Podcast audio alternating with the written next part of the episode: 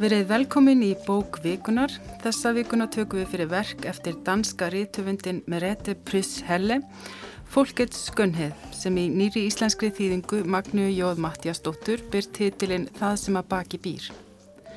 Bókin kom út á frumálunu árið 2016. Hún hefur fengið ímsar viðkynningar og er gerðnakvölluð ættarsaga en það byggir hún á fjölskyldusögu Merete eh, sem er fætt árið 1965 og hefur skrifað smásögur, skáldsögur, batnabækur og jafnvel SMS-sögur sem farfist þannig fram að maður fær SMS í síman sín okkur sem á dag.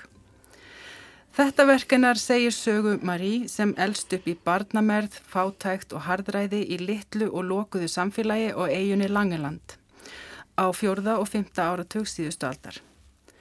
Án þess að hafa mikið um það að segja trúlofast hún snemma, reyndar um leið og hún fermist og giftist átján ára manni sem vinnur sig smám saman upp samfélagsstegan þannig að þau enda í glæsilu einbílishúsi í útkverfi Kaupmannahafnar með vísitölu fjölskyldu, efnisleg verðmæti og allt í takt við helstu kröfur samtímans. Andleg velsælt og hamingja lætur þó á sig standa og fyrirmyndar húsmóðurinni og eiginkonunni Marí finnst hún lokast inni í sífælt þrengra búri þar sem harneskjuleg fortíðin á Langeland er einhvern veginn raunverulegri en sá yfirborslegi veruleiki sem þau hjóninn sitja föst í. Jón Yngvi Jóhansson, uh, lektor á Mentavísindasviði Háskóla Íslands og Steinun Stefansdóttir, bladamöður og þýðandi, sitja hjá mér og ætla að ræða við mig um þessa bók. Komið sæl. Sæl. Steinun, þú varst þegar byrjuð að lesa þessa bók þegar ég hafði samband við þig. Hvað var það sem svona dróði aðinni? Um, hún er nú væntanleg með Reti Prus Helle í Norrannahúsi í næsta mánuði og ég held að það hafi kannski orðið til þess að ég tók bókina upp, hún hafi leið á náttborðinu hjá mér bara ansi lengi. Ég held ég við keift hana kannski fyrir hálfa öðru ári þegar ég var á ferðinni í Danmörku en var ekki fann að lesa hana og svo var hún væntanleg og, og, og þýðingin komin og, og útslægi gerði svo held ég í kiljunni þarna fyrir nokkrum vikum þegar þegar eh, hún eiginlega hjá því jákvæða fólki sem þar situr fekk nánast að segja útreið bókin Já.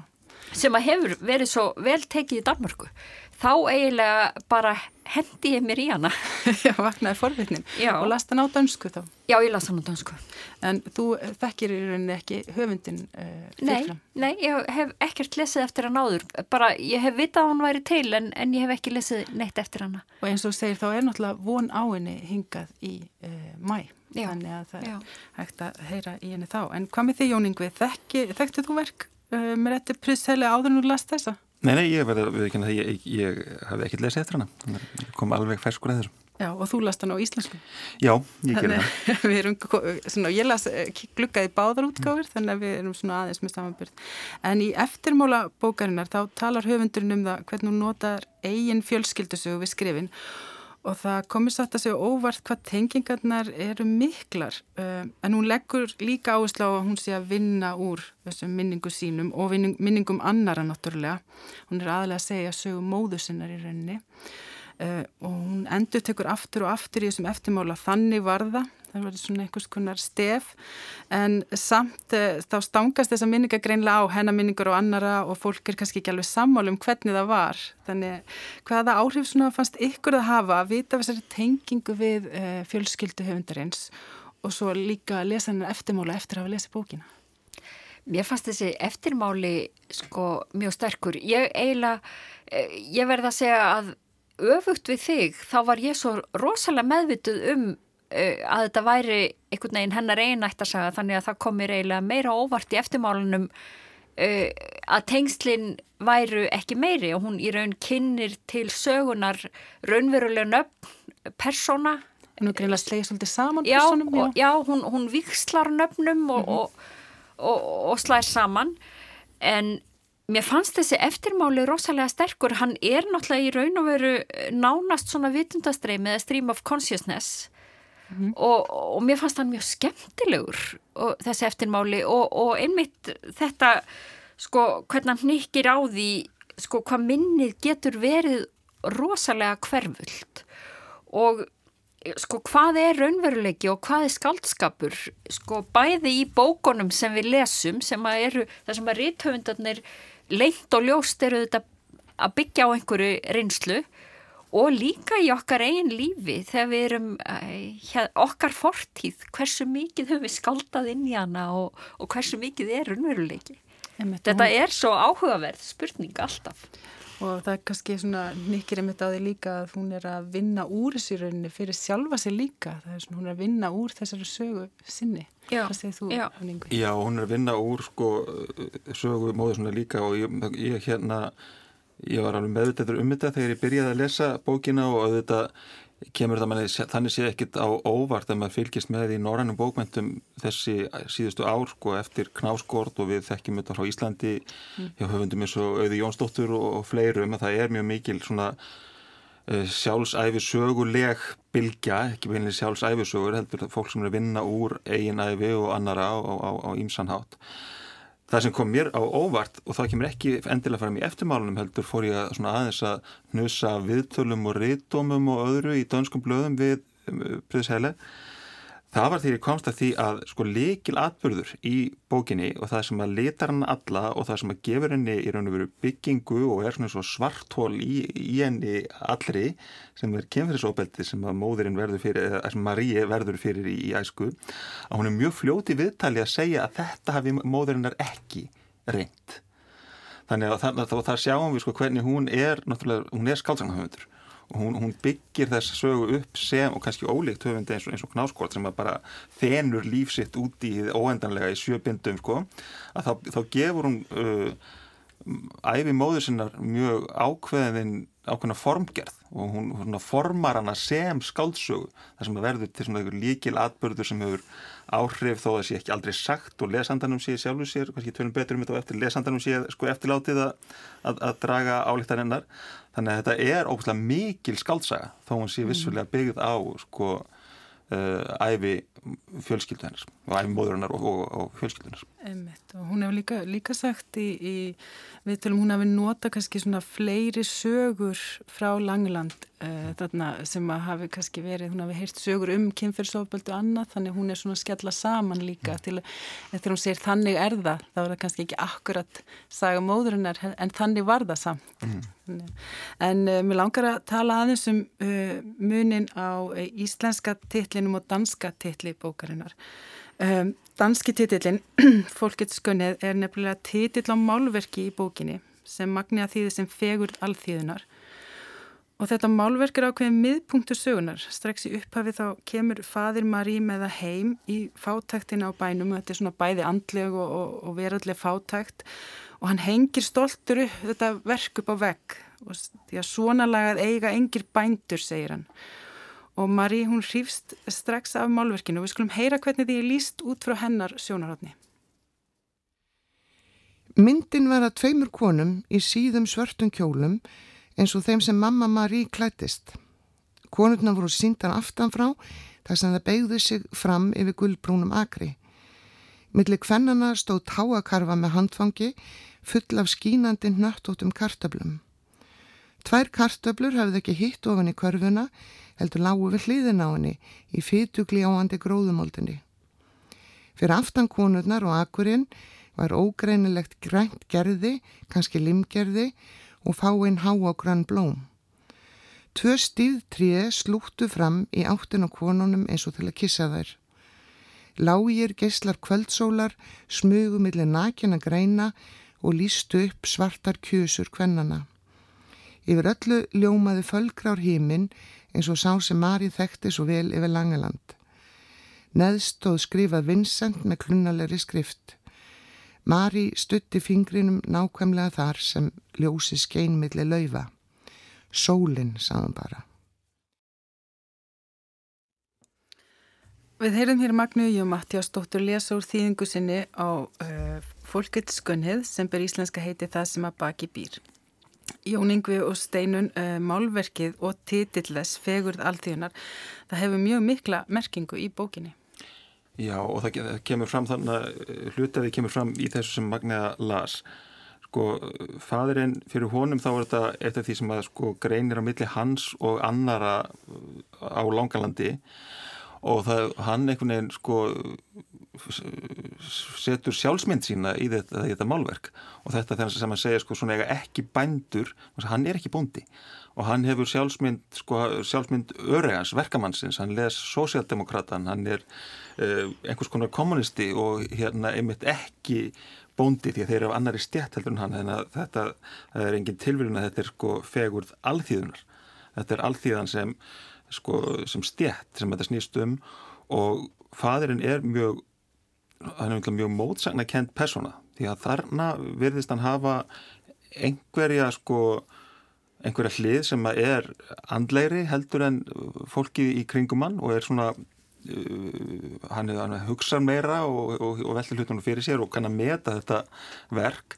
En svo í öðru þá er hann vesti harstjóri og algjörlega uh, í takti við það harniskjulega samfélag sem þannig býr. Og svo kemur þetta líka senna í, í bókinu þá hefur þetta einlega snúist við því að þá er sko, þá er hann fann að nota þessa sjálfmynd sína sem alþýðumanns sem, sem, sem sko veru, ekki örega bænins en alþýðumanns til þess að sko gaggrína uh, afkomundu sína. Þegar hann kemur sko í heimsókn í embillishúsið emitt í útkverfinu sem að Otto og Marie hafa, hafa búið sér að þá finnst honum allt þar svo ómerkilegt og störfin sem að þeir eiginmenninir í útkverfinu vinna eru ómerkilega þessi eini maður sem vinnur almenlega vinnu er svartisöðurinn í fjölskyldunni Kai sem vinnur á lager af því hann hefur ólíkt hinnum karlmannum í sögunni ekki farið í þetta stjætta ferðarlag eins og Danir kalla klassiræsi upp á við. Og þá, hérna, þá fer hann að, sko, þá fer hann að nota þetta með fegurð alþjóðuna til þess að hérna, tala niður uh, þetta líf sem að afkomendur hans hafa byggtir upp. Þannig að þetta, þetta uh, hugtak fegurð alþjóðunar hefur mjög marg falda merkingu í bókinu og ég saknaði satt að segja svolítið að það sé ekki í tillinum að það kemur fyrir sko nokkuð oft í bókinni. Og svo er það líka þetta, þetta með, með hérna málverki sem að Magníða las aðan, það er þessi það er þessi ljóskesli sólinn sem að, sem að svona, hérna, brist í gegnum þetta gráa uh, málverk uh, og að einhver leiti þá er þetta líka lýsing á bókinni sjálfri. Nema það að þessi sólargesli er alveg ofbóðslega döfur í bókinni því að það er ofsalega mikið myrkur í henni Og það er líka náttúrulega uh, svo margt, við þetta málverk, það eru nú fyrstu viðbröð mömmunar, eru þau að það er hort svona aftan á þessar konur, þannig að afturendin er svona upp í loftið hún sér afhverju þetta sjónarhótt, afhverju gata hann ekki hort framann á þær. Og, en þá segir Maríi mitt, þá hefði málarinn ekki séð sólina mm. uh, á móti sér brjótast gegnum skíin, þannig að það er bæði en það, hún náttúrulega, það sem mamman sér náttúrulega þetta þetta kynja samfélag þarna sem með sínu kynferðis ofbeldi og þessu augnaræðu kallmannsins það er svona eitthvað líka svona ókvænlegt í rauninni því sem er líka í þessu málverki. Þannig að það er mjög margt í rauninni í málverkinu. já, Það er mjög margt í, í málverkinu, já. Fyrir utan þessa litlu skondnu hlýðarsögu að það er svona aðeins gefið í skinn að það sé eftir Vincent van Gogh já, já. Eh, sem er náttúrulega mjög já, bara svona lítið og skemmtilegt en ég tek undir sko að, að um leið og ég í raun og veru skil vandan vegna þess að, að sko fólkett skönhið, hvernig á maður að þýða það fegur alþýðunar er það er sko þrengra og mm. merkingarhlaðnara heldur en, heldur en fólk, sko alþýða er hlaðnara orð heldur en fólk en fólk á íslensku er, er of breytt þannig að mm. sko þetta er þetta er ákveðin vandi mm. og þá er ákveða greinlega að fara þá leið að, að bara gera eitthvað allt annað En mér finnst náttúrulega þýðingir sko á, á frasanum sjálf er mjög góð, það er eins og þú segir það er, það er ekki ná, nákvæmlega það sama en fegur fólksins hefur alls ekki gengið. Það sem tapast ennáttúrulega á dönsku því er fólk líka þjóð. Einmitt. Uh, og, og það þarf, og þýðandi það stendur bara fram, fram, fram fyrir mjög erfiðu vali en mér finnst að valið alveg hár rétt sko í þýðingunni. Já, já í þýðingunni á heiti málverksins Já, já. og þess vegna saknaði þess hanski svolítið í tillinum Já, og ég held að bókin hefði alveg þólaða í raun og veru að heita sko fegur alþýðunar mm þrátt fyrir að það sé í raun og veru svona gildis hlaðnara og þrengra heldur en fólkett skönhið. Já, og það hefur alveg, alveg rímað við sko hvernig fadurinn notar Algjörlega. þessa setningu. Já. En þessi titil, það sem að baki býr, það er kannski, ég veit ekki hvort það er einhvers konar tólkum fólkin í því að velja þennan titil? Eða... Sko það er eiginlega ekki hægt að fjalla um það íslenska titilin á þess að ljóstra upp hvað verður um málverkið Þannig ég held að þetta meila fyrir, fyrir, fyrir vantarlega lesendur. Einmitt. Það verður svona... Hann, hann, hann er í sjálf sér þannig sé svolítið snjáll út frá því hvað já. verður um þetta máluverk. Akkurát. En það er eiginlega ljótt að ljósta því fyrir fólk já. sem ættir að lesa bókina. Þannig að það verður bara að komast að því sjálf. En, en það er eitt við uh, titiln á, á málverkinu sjálfu uh, að það er, hann er náttúrulega frekar kaltænislegur þessi titil þegar maður lítur til svakalegra lýsingan í bókinu á kjörum alþýðunar uh, og þessu samfélagslega samþykta ofbeldi sem að gegnum sýrir allt, það eru samskipti kynjana, það eru samskipti batna við fóreldra og, og milli stjætta uh, það er eiginlega, mér fannst eiginlega svona vald og ofbeldi verið eitt megin viðfangsefni sögunar, þú er persónlegt og samfélagslegt ofbeldi. Mm -hmm. uh, og þannig að það er svona spurningu, það er eiginlega næstu því svona erfitt að lesa um allt þetta ofbeldi. Hvernig, svona, hvernig upplýðu þið þetta með með þetta þema? Hvernig Jú, vinnum við það? það? Það er erfitt að lesa um svona mikið ábeldi, það er það. En, en hérna, mér finnst hún sko hins vegar einhvern veginn, mér finnst hún lýsaði sko, uh, mjög vel á, og mér finnst sko það er mjög snjált að, að beita þessari ofbóstlega hlutlausu aðferð við að lýsa ofbeldinu mm -hmm.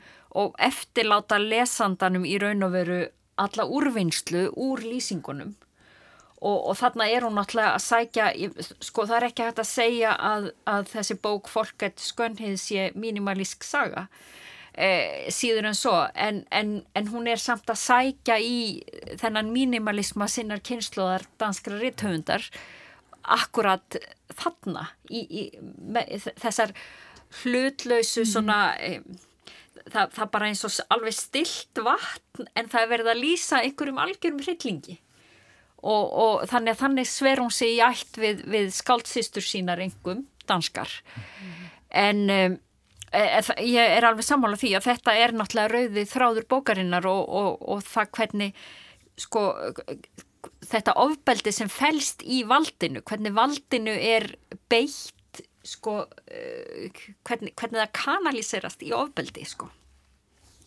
Og mér finnst þetta líka mjög mikilvægt sem þú ert að segja sko þetta hvernig ofbeldi er því að bara líst á svona hlutlösun hátt og sko á yfirborðið sögunar þá hefur ofbeldi aldrei neinar afleðingar það er aldrei talað um það. Það er aldrei talað um að einhver hafi beitt ofbeldi eða verið beittur ofbeldi en samt fjallalessi saga ekki um neitt annað Nei. heldur en það hvaða, of, hvaða afleiðingar mm. sérstaklega kynferðast ofbeldi hefur á personunar en, en það, er, það er tala aldrei um það upphátt og jámir þó við séum inn í uh, huga Marí stærstan hlutasögunar að þá hugsa hún aldrei um það, hún tengir aldrei sína vanlíðan sín vandamál í engalífinu, í hjónabandinu hún tengir það aldrei við það ofbeldi sem hann eru orðið fyrir menn að lesandin hlýtur alltaf að tengja stöðu þannig að milli. Já. að það, er, það, er, það, er, það er algjörlega sko, það er mjög þó að eins og þú segir, þótt að sé bísna þykk bók, þá er alveg óbúslega miklar og meðvitaðar eigður í henni sem eru fyrir lesandan til þess að, að skilja, til þess að tólka til þess að tengja og það er aldrei stafað onimann það, það er alltaf, aldrei. og, og það, það var alltaf einhverjum gefið skilmar á, maður bara skilur það. Já, það er, það er svona það er, að, það er stöku sinnum gefið í skinn mm. nokkrum sinnum uh, segir hún við sýstur sína við þurfum að tala saman. Já, mm. það er rétt. Uh, en það gera það ekki. Nei, það en það gera það aldrei. og, uh, og og auðvitað þetta sem kemur fyrir aftur og aftur í setni hluta bókarinnar að hún lýsir því hversu megna óbeit hún hefur á kynlífi. Já, já það er auðvitað sko það er auðvitað mjög skýrt. En, já, en, það, það, en, það, samt... en það er samt lesandin sem að drefa álíktunum sko, sem að tengir á milli. hmm. uh, Í útdagsviðtal í Danmörku þá rætti uh, Prins Herle um ofbeldið í bókinni og hún talaði til dæms um það hvernig uh, börn eru slegin utanundir í tíma og ótíma í bókinni og jafnvel hýtt til blóðs. En hún sagði að þótt hún reyndi að setja sér spór þeirra sem beita ofbeldi og geti skilja þá þýtti það ekki og hún teldi það ásættanlegt að slá börnar þetta með hvernig hún lýsir því. Það er svona svolítið hlutlaust. Um, En hvað finnst ykkur svona um þessa áherslennar á að dæma ekki? Hún er rauninni vill að lesandi ná einhvers konar samkjönd jafnvel með þeim sem ger eitthvað sem við samþykjum ekki. Þannig að þetta er svona, hún leggur mikla áherslu á það og ég minna jafnvel Kai sem er mjög hræðileg manneska í bókinni. Uh, hann svona hefur sínar manneskilegu hlýðar kannski undir lokin til dæmis. En mér finnst þetta í raun vera liður í, í, í þessari sko mínimalísku framsetningu að, að að þó hún lýsi þessu svona hlutlust að, að þá, þá er hún ekki endilega að samþykja það, hún er bara, það, það er bara verið að lýsa þessu og það er náttúrulega, það er, það er mikil normalisering auðvitað á til dæmis á þessum kinnhestum Já. sem að er verið að reka þarna sínt og heilagt, það er bara... Fyrir næstum ekki neitt. Já, fyrir næstum ekki neitt, þetta er bara sá sem að er valda meiri en, en, en sá sem hann á í samskiptum við rekur honum kinnhest. Já og það, er, það eru fullornir við börn, það eru eldri sískinni við yngri sískinni, það eru eigin menn við eigin konur, það, það er bara alltaf þar sem er valdamismunur, þar eru reknir kinnhestar í gríðoerk. Og Marí sjálf þarf stundum segir hún að gera það við yngri sískinni sín, já, ef þau eru að já. segja eitthvað sem henni finnst vittlaust. Ja, akkurat. En, en það kemur í ljós sko þegar hún fer í svona fyrstu vist, eftirminnlegu kapli í bókinni, það er svona vist á heimili sem að tekur við uh, ungum stúlkum sem hafa verið óléttur utan hjónabandsfrestar uh, og þar sem það er fæðabör sem síðan eru gefið til ætlaðingar uh, Svolítið merkilegt að því að maður hefur lesið svo margarfna lýsingar þar sem það er einmitt það er svo útmálað með svo sterkum litum allt hann neikvæða og, og ógeðfelda við slíka stofnanir. Mm. en þarna þegar hún kemur þangað þá verður hún hissa á því að það er ekkert ofbeldi að, að forstuðu konan, hún löðrungar ekki vinnustúlkurnar eða viststúlkurnar þegar þær gera mistök eða annað, þá er, að, það er enni svo, svo eh, inngróið að, að það sé það rétta. En sko já, ég veit ekki með, með, með hérna, manneskjölu hliðanar á, á, á stóra bróðunum og, hérna, og, og, og fröðunum sko. en, en, en, en örlug hans finnst mér hins vegar líka sína sko hvernig þetta ofbeldi sem er sko normaliserað í, í, í því samfélagi sem sagan byrjar í en er það kannski ekki í, í því samfélagi sem hún endar í en hvernig það hefur áhrif ekki bara á, á þólendur þess heldur líka á gerendurna sko. því að ma maður hefur einhvern veginn á, á, á tilfinninguna því litla sem að veitum um þessa persóna þetta sé ónýtur maður og, og, og maður tengir það eins og allt annað við það sem hann hefur gert já, sko. já, hann var náttúrulega sjálfur greinilega beittur stanslösu andlegu og líkamlegu ofbeldi þegar hann var Já, já, og það, það er þessi náttúrulega arfur sem að þau, þau hérna burðast öll með sko. Já, en og, og já, og hann og allt snýst þetta sko um allt snýst þetta einhvern veginn um valda hlutföll mm. og hann náttúrulega síðan eh, er ónýtur maður og, og, og hann lendir neðar í valdasteganum í kaupmannhafnarlífinu af því að hann, að því að hann sækir sér ekki mentun eins og máar hans og frændur heldur og, og þannig hann lendir þarna neðar í samfélagssteganum en, en sko það, mér fannst það var nefnilega sko það er eitt af því sem er svo magna við þessa bók, það er það, það, er þessi lýsing á valda ójapvægi eh, sem að sem að er bara einhvern veginn það er bara þannig að sá sem að hefur meiri völd eh, beitir þann sem að hefur minni völd eh, opildi og, og til dæmis sko bara setni, ef ég má lesa hérna e, sem að einhvern veginn satt í mér og, og þegar ég var að, var að lesa og lesa þetta þá, þá fylltist ég kvíða þanga til úr flækjunu var leist e, þá eru þau orðin ein heima sískinin það e, hefur, fadurinn er farin á sjúkrahús og móðurinn fylgir honum á sjúkrahúsið. Og og Kai, eldri bróðurinn, segir við Maríu sýstur sína á meðan hann er að heiman átt þú að gera eins og ég segi, saði Kai. Hann nefti frá sér efstar nappinum og buksunum og maður bara, oh, þið vitið, maður bara, það, það hellist yfir mann kvíðinu og svo verður maður svo fegin þegar knúið er dyrra Já, og henni svolítið bjargast svona stundum á síðustu uh, mínútu en, en einmitt yngri sýstrinnar er eiginlega ekki jafn heppin. Hún, hún situr svolítið eftir e, í súpunni og það er svona kannski samviskubitið sem að e, fylgir maður í. Það er þetta Já. með að hún þó hún hafi í rauninni ekkert geta gert í því hún var send í burti í vist hún reyði ekki eins og neina um það. Nei. en það bjargar henni svolítið frá þessu bæði pappanum og bróðurnum sem að, að þessi yngri sýstir Ellen hún kemst náttúrulega ekki hjá.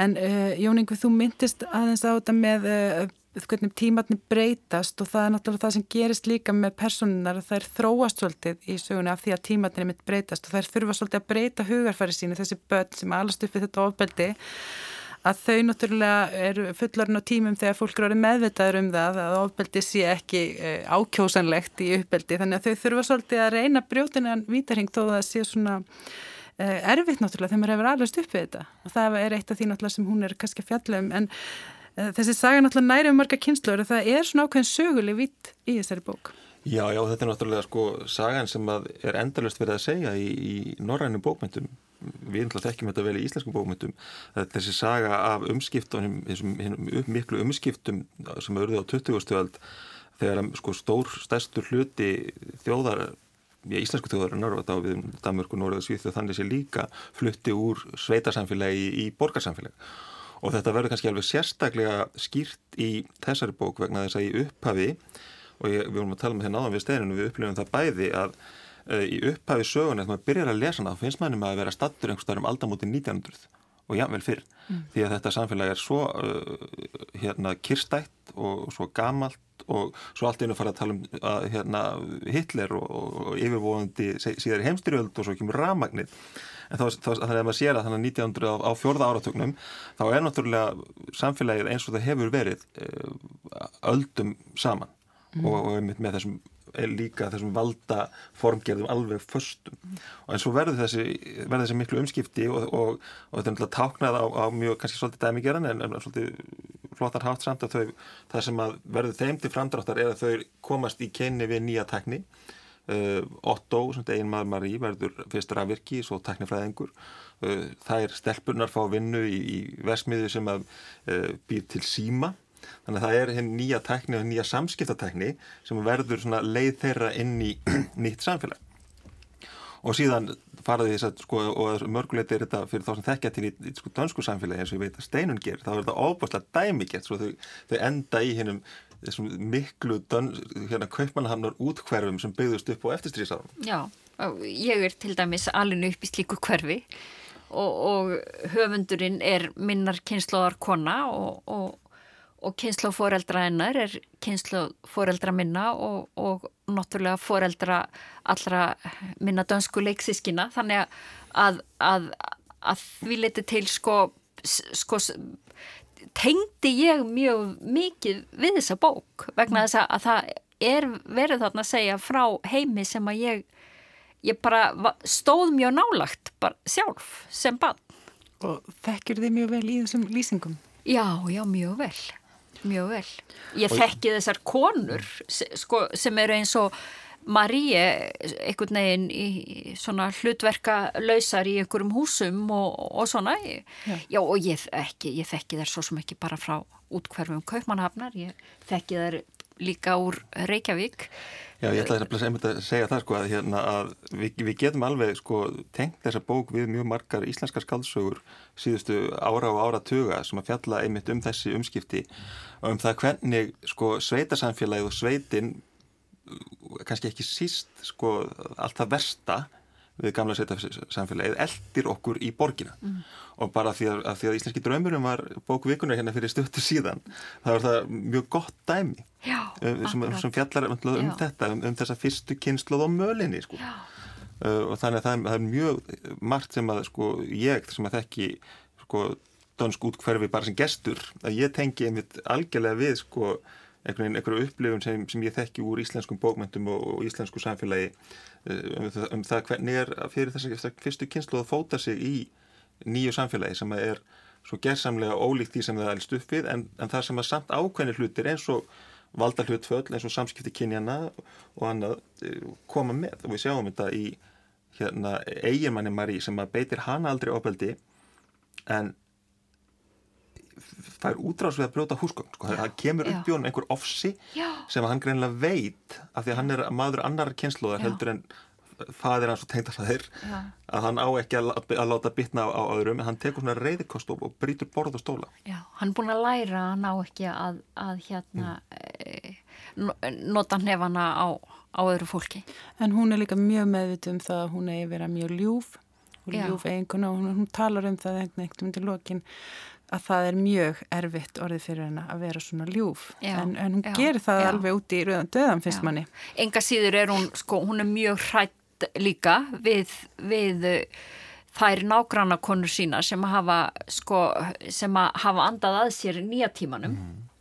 Þær sem að lifa einhverju sjálfstöðu, sjálfstæðu lífi og, og eiga, eru að búa eitthvað, eitthvað tilveru til sjálfstæða og, og ég fór að hugsa já, fór að velta því svolítið fyrir mér og, og, sko, það, það er náttúrulega svo, það er svo langur vegur frá þessu 19. aldar lífi á la, langalandi sem að hún ólst upp við í, í hérna rauðsokkurnar í Kaupmannhöfn í kringum 1970 að hún náttúrulega átti hún átti aldrei möguleika sko einhvern veginn á að komast alla þá leið.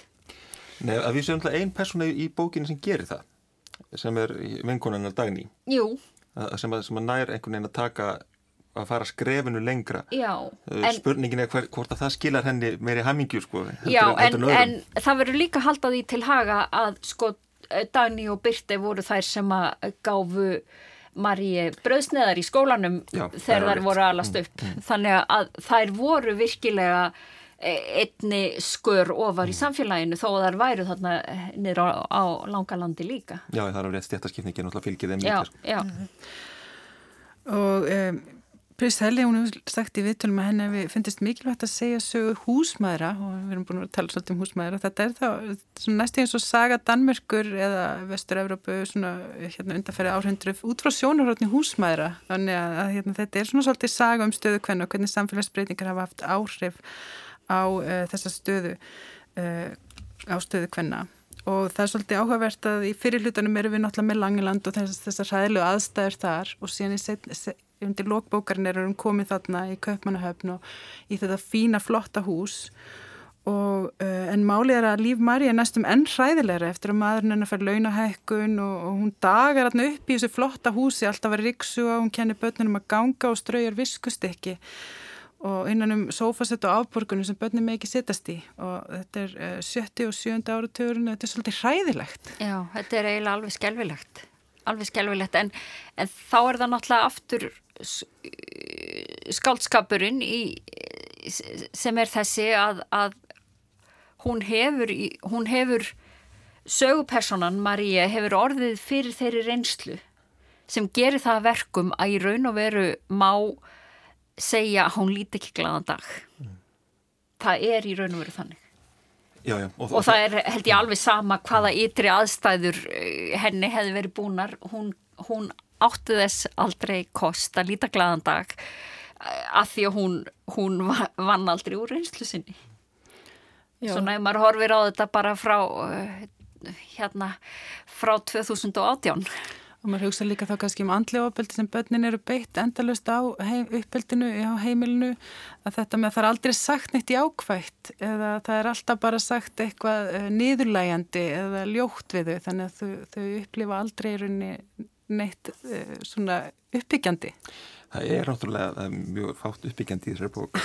Og það er mjög lítil hamingja eini og, og einhver leiti sko fjallar hún eins og þú segir um það hvernig uh, samfélagsbreytingar hafa haft áhrif á, á, á, á stöðu og hlutverk hvenna en, en að einhver leiti fjallar hún líka um það hvernig samfélagsbreytingar hafa ekki haft áhrif á stöðu hvenna. Mm, að einhver leiti er, er sko hlutskipti Maríu uh, miklu líkara hlutskipti móðurinnar en maður hefði séð fyrir sér fyrirfram, því að mm. það eru þessi mm.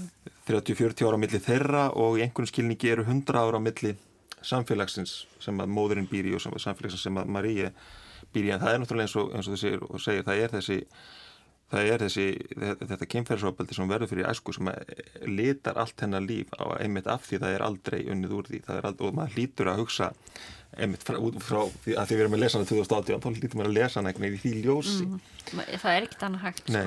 Og það útrúlega er náttúrulega að það er verið að lýsa fyrir eitthvað nýleri fórtíðurinn í þessari bóku og maður hugsa til dæmis bara um hvernig er uh, þessar siðferðiskröfur og hendur konur að með, konum að með ekki eiga börn utan hjónabands og þetta heimili sem hún fyrir að vinna á í vist, það sem konur eru senda til að eiga börn og gefa þau frá sér, þetta er bara í stríðinu þannig að það er ekki Já. svo langt síðan nei, nei. Og, og hérna Og það er hérna einmitt skólasistrinnar bitten sem er þarna einmitt á þessu heimili og það fyrir heldur betur í tlótur sem er fyrir svona ímynda sér þú veist hversu e, fyrir að hugsa um hvort maður getur tengt þetta á íslenskan veruleika og í þenni þá mann maður eftir sögum og konu sem voru einmitt sendar til Danmörkur til að fæða börn og gefa þau frá sér þannig að Já, já. Og, og, margt, og þessi þrúandi, sko, margt í þessum þrúandi veruleika þessari kvenna, ég veit ekki af hverju ég fór að hugsa um bækur, þetta er höfundi eins og sko, miklu eldri bækur eins og eftir hérna, Þórun Elfu til dæmis Magnúsdóttur, uh, Frósnótti Mæi og fleiri bækur, mér finnst ekki að það var einhvað sem myndi mig á, á, á, á tilfinninguna þar sko, í þessu, mm -hmm. þessu þrúandi ábeldi sem er kannski bæði líkamlegt og andlegt í, í, í þessari bók sko. mm -hmm. þannig að auðvitað er, er heldur við getum tengt flest við uh, hérna við getum búið allavega saman við íslenskan veruleika ég er líka, ég, meni, ég er að lesa sölkuvölku þess dagana það er hímislegt sem hægt að tengja geta, það líka. Mm. Hvað með því stennum finnst þér að geta tengt svona við hérna, þú tala náttúrulega um þú er náttúrulega úlst upp einhverju liti í Danmörku þannig að, eða alveg yeah. eða Já, ég framan af sko já.